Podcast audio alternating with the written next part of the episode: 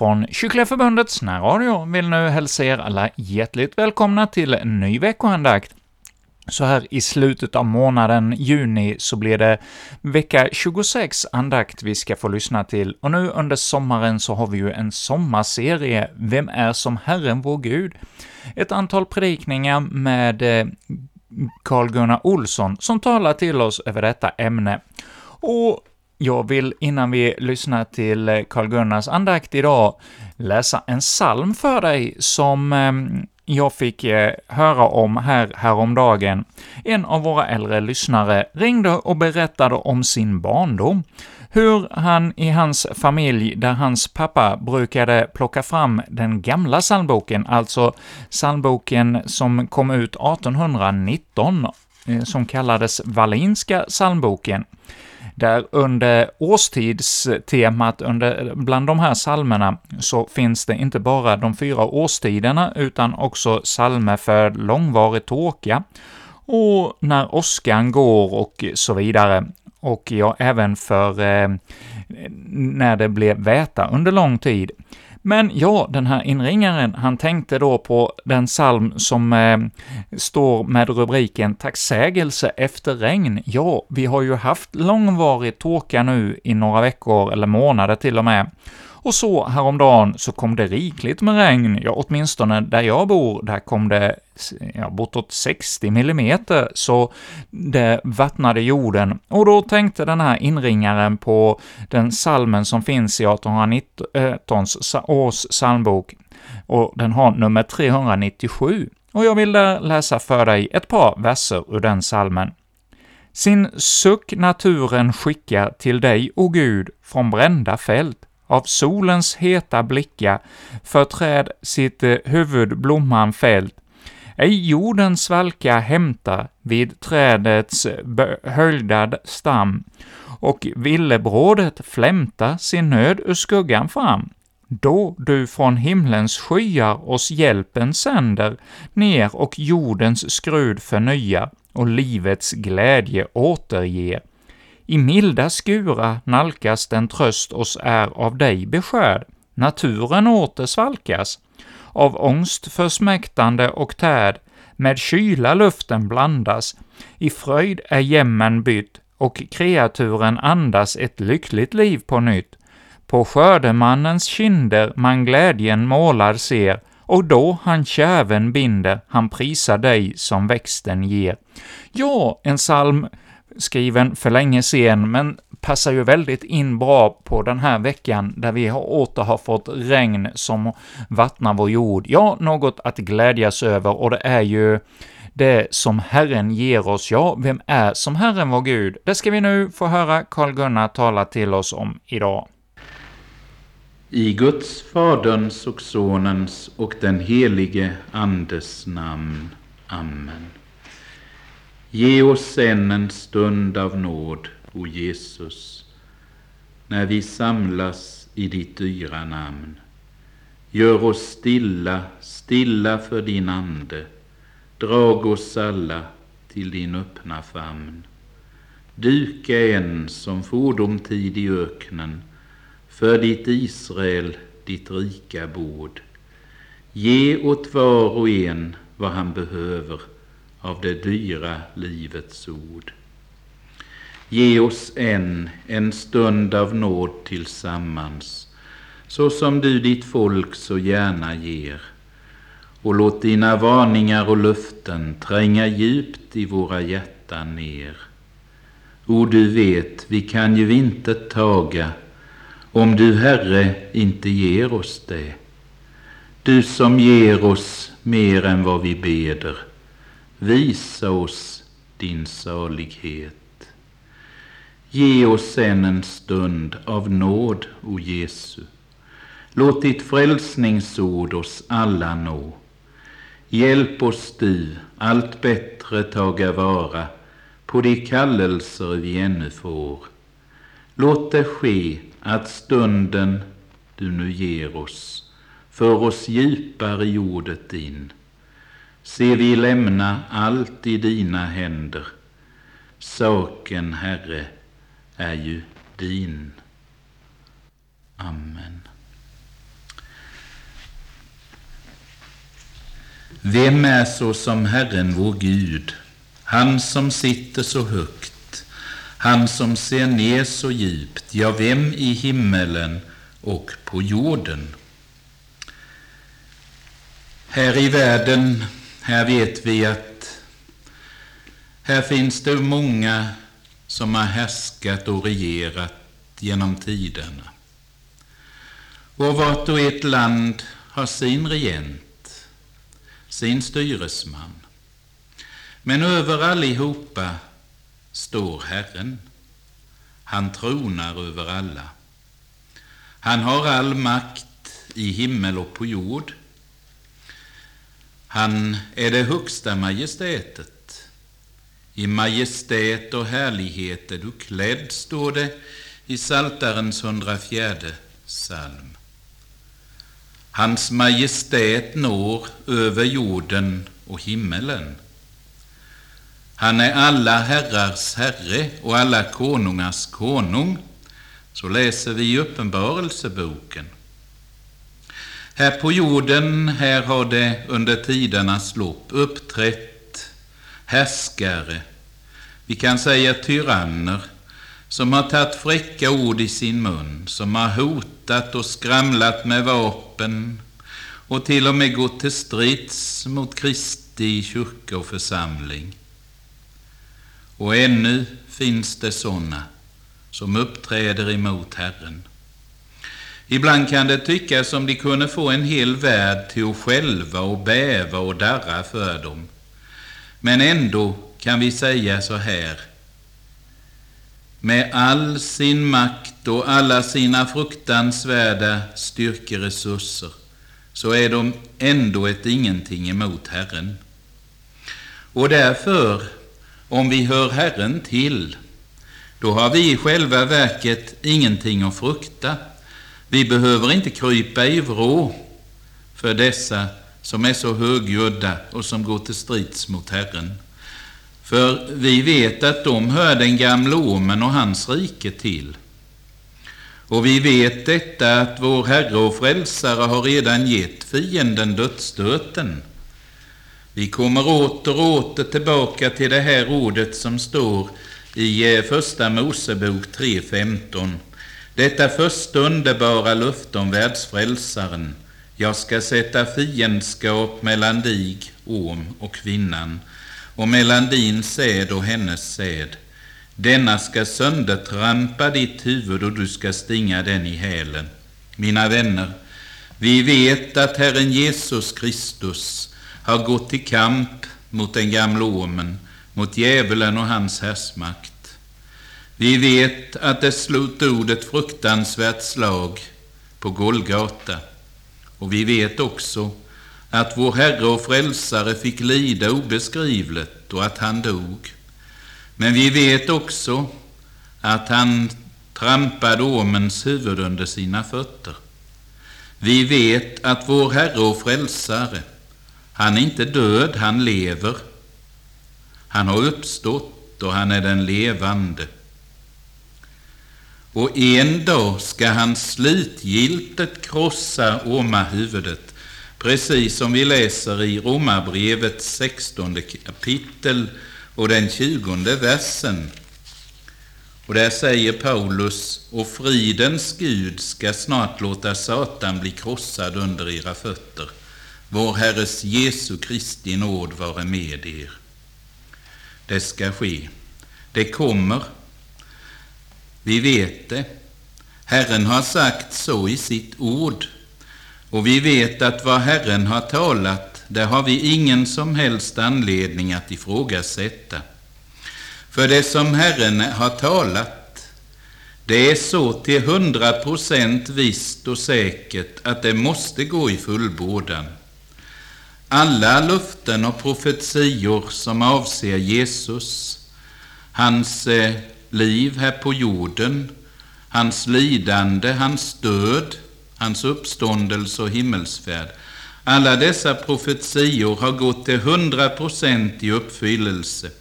Och vi vet att även alla de andra profetiorna också ska gå i fullkomlig uppfyllelse. Och det är så märkligt egentligen att i själva verket är det så att fienderna, de måste hjälpa till med att uppfylla det profetiska ordet. För det måste helt enkelt gå så, precis exakt så, som Herren har förutsagt. Det är ett märkligt ord, det står i Ordspråksboken, om vi slår upp den boken i vår bibel. Ordspråksboken, det är ju den bok som kommer efter Saltaren. Och i Ordspråksboken slår vi då upp det 21 kapitlet och den första versen. Konungars hjärtan är i Herrens hand såsom vattenbäckar. Han leder dem vart helst han vill. Nu vet vi ju att det finns inte många kungar kvar. Men här är det frågan om alla jordens styresmän och alla som har någonting att säga till om och bestämma om. Deras hjärtan är i Herrens hand som vattenbäckar. Det betyder så här att i Herrens hand är i själva verket denna världens store bara som marionetter som sprattlegubbar. När Herren drar i snöret så måste de sprattla. Jag tänker på ett exempel som är rätt märkligt. Det har avseende på framtiden. Det har med Israel att göra. Och där talas det om Israels stora fiende vid den tidpunkten. Och eh, det är hos profeten Hesekiel i det 38 kapitlet. Och där i detta 38 kapitel talas det om Gogs härnadståg. Gog var alltså en ärkefiende, eller är en ärkefiende till Israel. Och där står det så här, du människobarn, vänd ditt ansikte mot Gog i Magogs land och så vidare. Och säg, så säger Herren, Herren, se jag ska komma över dig, Gog, du hövding över Ros, Mesek och Tubal. Jag ska locka dig, Gustad, jag ska sätta krokar i dina käftar och föra dig ut med hela din här, hästar och ryttare, allesammans i präktig rustning och så vidare. Och det talas om andra folk som ska vara med, perser, etiopier, till och med folk från yttersta Norden. Det ska bli så. Allting är så väl inrutat, allting är så i detalj uppgjort i den gudomliga planen. Det ser vi överallt i vår bibel. Allt passar in i vartannat. Vi ser till exempel i Gamla testamentet att genom drömmar och syner så kan Gud långt i förväg tala om vad som ska ske. Och här har vi exemplet Josef. Långt innan han kom till Egypten så drömde han sina märkliga drömmar, till exempel att de elva brödernas kärve bugade sig för hans och att solen, månen och elva stjärnor bugade sig för honom. Bröderna var avundsjuka och Jakob bannade sin son för detta. Men vi vet att det gick helt i uppfyllelse.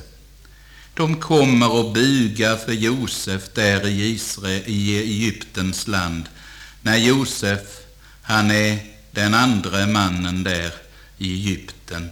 De vill köpa säd, de är underdåniga. Vi kan tänka på faraos drömmar om de här sju feta korna och sen hur de sju magra kom upp på scenen och hur de åt upp de sju feta.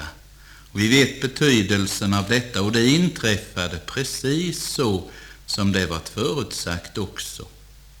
Och när det nu är så, så ska vi inte tänka så här att vi är avundsjuka på de som inte räknar med Gud, därför att det går dem väl i hand. Det är så många som har funderat på detta och det kommer ju fram i eh, Bibeln också, där frågar någon psalmist varför det går de ogudaktiga så väl.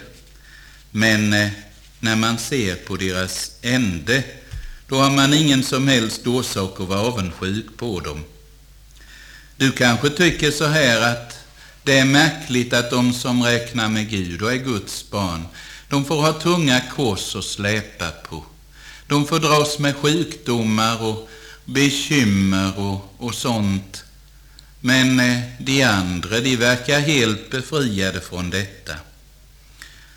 Hur du, du känner till Jesu berättelse om den rike mannen och Lazarus. Lazarus, han bar ju faktiskt på ett tungt kors. Det var fattigdom och sjukdom och nöd. Och den rike mannen, han levde var dag i glädje och prakt. Men säg, skulle du vilja byta med den rike mannen nu? Nej. Vad sägs till honom?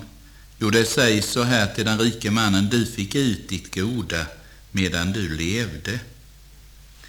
Jag tänker på ett ord som står i den 37 saltasalmen. De ogudaktiga ska förgås, Herrens fiender är som ängarnas prakt. De försvinna som rök, ja, de försvinna. Och längre fram i samma psalm står det, jag såg en ogudaktig som trotsade på sin makt.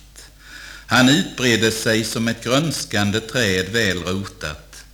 Men när man sen gick fram där, se då var han borta. Jag sökte efter honom, men han fanns inte mer. Mina kära lyssnare, hur tryggt att lämna sig och sitt liv och allt i Herrens händer. Då har man verkligen lämnat sig i de allra bästa händer som finns. Då ska han bevara oss också i de allra svåraste tider. När eh, denna världens människor är i ångest och vrider sina händer i förtvivlan och inte vet varken ut eller in och önskar att berg och höjder ska falla över dem och begrava dem, så kan Guds folk vara vid gott mod. I Ordspråksboken heter det att sina frommas väg bevarar han, Herren. Det gör han, för det har han lovat. Denna världen liknas ofta vid en öken, vid en vildmark. Men Herren ska leda och styra våra steg genom den brännande världsöknen, om vi har lämnat allt i hans hand. Tänk på vad kung David säger i sin hedersalm, den 23 i Saltaren. Han leder mig på rätta vägar för sitt namns skull. Och det kommer också fram i vår bibel att han bär de sina genom faror och nöd. Det finns ju en psalm som är ypperlig i detta sammanhanget och det är Luthers psalm vår Gud är oss en väldig borg, han är vårt vapen trygga. Ingen ska med all sin makt, all sin list och allt sitt raseri kunna slita Guds barn ut ifrån Herrens famn. Det går inte. För fienderna, de har ingen kraft i jämförelse med Herren. Jag tänker på det här märkliga ordet som står i Bibeln om hur Herren lyfter havsländerna som stoft. Vi kan slå upp i eh, Jesajas 40 kapitel och den femtonde versen. Där står det att folken är att akta såsom en droppe ur ämbaret och såsom ett grand på vågskålen. Se havsländerna lyfter han såsom ett stoftkorn. Ett grand, det syns ju inte ens. Lägg det på vågskålen, ingenting inträffar. Och ett stoftkorn, det är ju ingenting. Och tänk då vilken makt och vilken styrka det finns hos Herren. Han lyfter allt detta. En sån Herre, en sån Gud har vi, mina vänner. Och räknar vi då med honom är han vårt enda hopp. Varför skulle vi då rädas, denna världens människor? Varför skulle vi rädas tyrannerna här på jorden och antikristarna?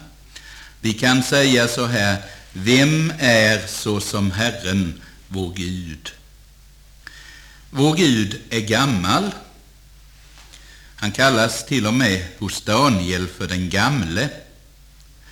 Men vi brukar ju säga att när en människa blir gammal, då tryter hennes krafter och då börjar hon att minnas dåligt, hon glömmer saker och ting och så vidare. Men sån är inte Herren, ingalunda. Han är den evige guden.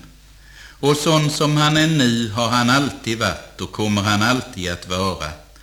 Det är i en psalm i Saltaren som vi kan läsa de här orden. Och det är i den nittionde salmen. Herre, du har varit vår tillflykt från släkte till släkte. Förrän bergen blev till och du frambragte jorden och världen, ja, från evighet till evighet är du, o Gud.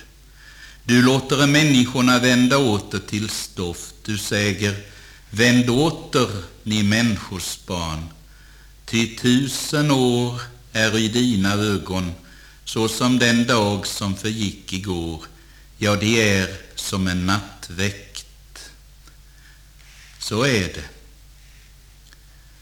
Vi människor, vi lever i tiden. Men Herren är upphöjd över all tid. I eh, första Timoteusbrevet, där eh, kallas Herren för evigheternas konung. Han blir alltså aldrig för gammal. Han är densamme. Det står i Hebreerbrevet om Jesus att Jesus Kristus är densamme igår och idag så och i evighet. Och sådan som sonen är, sådan är också fadern. Det ska vi komma ihåg. Det är ett ställe i Jesaja. Vi slog upp det kapitlet bara för helt kort sen. Vi kan slå upp det igen. Det är Jesajas 40 kapitel och den 28 versen. Vet du då icke, har du ej hört det, att Herren är en evig Gud, han som har skapat jordens ändar. Han blir ej trött och uppgives icke. Hans förstånd är outrannsakligt. Han ger den trötte kraft och förökar den maktlöse styrka. Han blir inte trött, han uppges inte. Och när vi nu har eh, Jesaja-boken uppe så kan vi gå fram till det 59 kapitlet och se på den första versen. Där står det så här. Se, Herrens arm är inte för kort så att han inte kan frälsa, och hans öra är inte tillslutet så att han inte kan höra. Alltså, hans arm är inte förkortad år 1988 mot vad den var på Moses tid, när Herren med en väldig arm förde sitt folk ut ur Egypten och träldomen där. Och vi ska komma ihåg detta att Herren vet lika noga reda på det sina idag som på den tiden när hans ögon följde flyktingen Jakob på hans väg hemifrån eller när han sände ut sin ängel i ödemarken för att styrka profeten Elia och hålla honom vid liv. Vi vet att allting här i världen det skiftar. I naturen skiftar det, Vår och sommar, höst och vinter. I människors känslor skiftar det, glädje och sorg, medgång och motgång och så. Men hos Herren vår Gud skiftar det inte. Han ändrar sig inte från tidsålder till tidsålder. Han låter inte skriva om sitt ord för olika tider och för olika släkter. Utan det är som det står i en gammal sång från fädernas tid. Hjälten i Israel kan icke ljuga. Allt vad han lovat, det håller han visst. Alla hans luften och ord måste duga. Herren ej umgås med svek eller list. Nej, Herrens nåd och sanning varar från evighet. Och det står i Saltaren, evinnerligen, Herre, står ditt ord fast i himlarna. Himmel och jord ska förgås, men min ord ska inte förgås. Och jag tänker på ett ord i Saltarens 145 psalm. Tänk att vi har en sån Herre som har ett sånt rike. Det står där, Herrens rike är ett rike för alla evigheter. Så är det. Tänk vilken stor och underbar Gud vi har. Och han vill med sin ande verka på oss så att vi böjer oss för honom och för hans ord. Herrens nåd och sanning varar.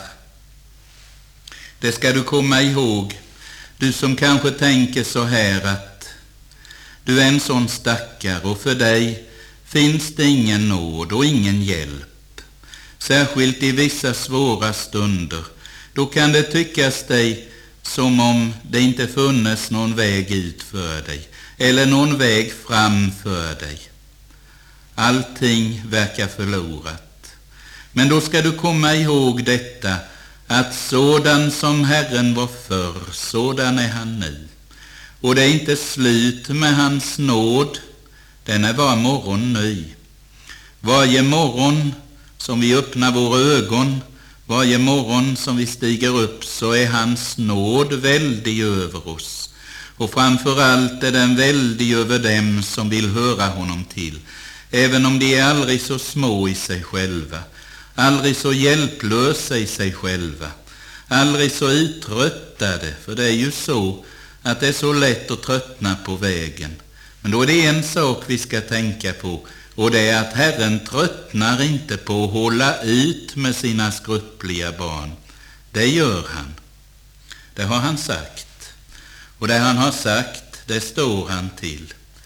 Och du ska komma ihåg också det vi läste här att hans arm är inte för kort så att han inte kan frälsa. Han kan rädda också dig, hur invecklat du än har det, hur trasslet det än är för dig. Och även om du tycker detta att du inte är värd att han böjer sitt öra och lyssnar till dig, så ska du komma ihåg att det är ändå så som vi läste här, att Hans öra, det är inte tillslutet så att han inte kan höra. Nej, han hör dig så gärna och han vill hjälpa dig. Liksom han har hjälpt de hjälplösa stackarna för, så vill han också hjälpa dig. Han vill hjälpa dig dag för dag, du som inte kan undvara honom. Du som inte kan hjälpa dig själv utan är hjälplös utan honom. Dig hjälper han väl igenom, för det har han lovat i sitt ord. På dig ska han bevisa sin nåd och sin kraft. Ända till dess att du är hemma. Förlita dig alltså på honom.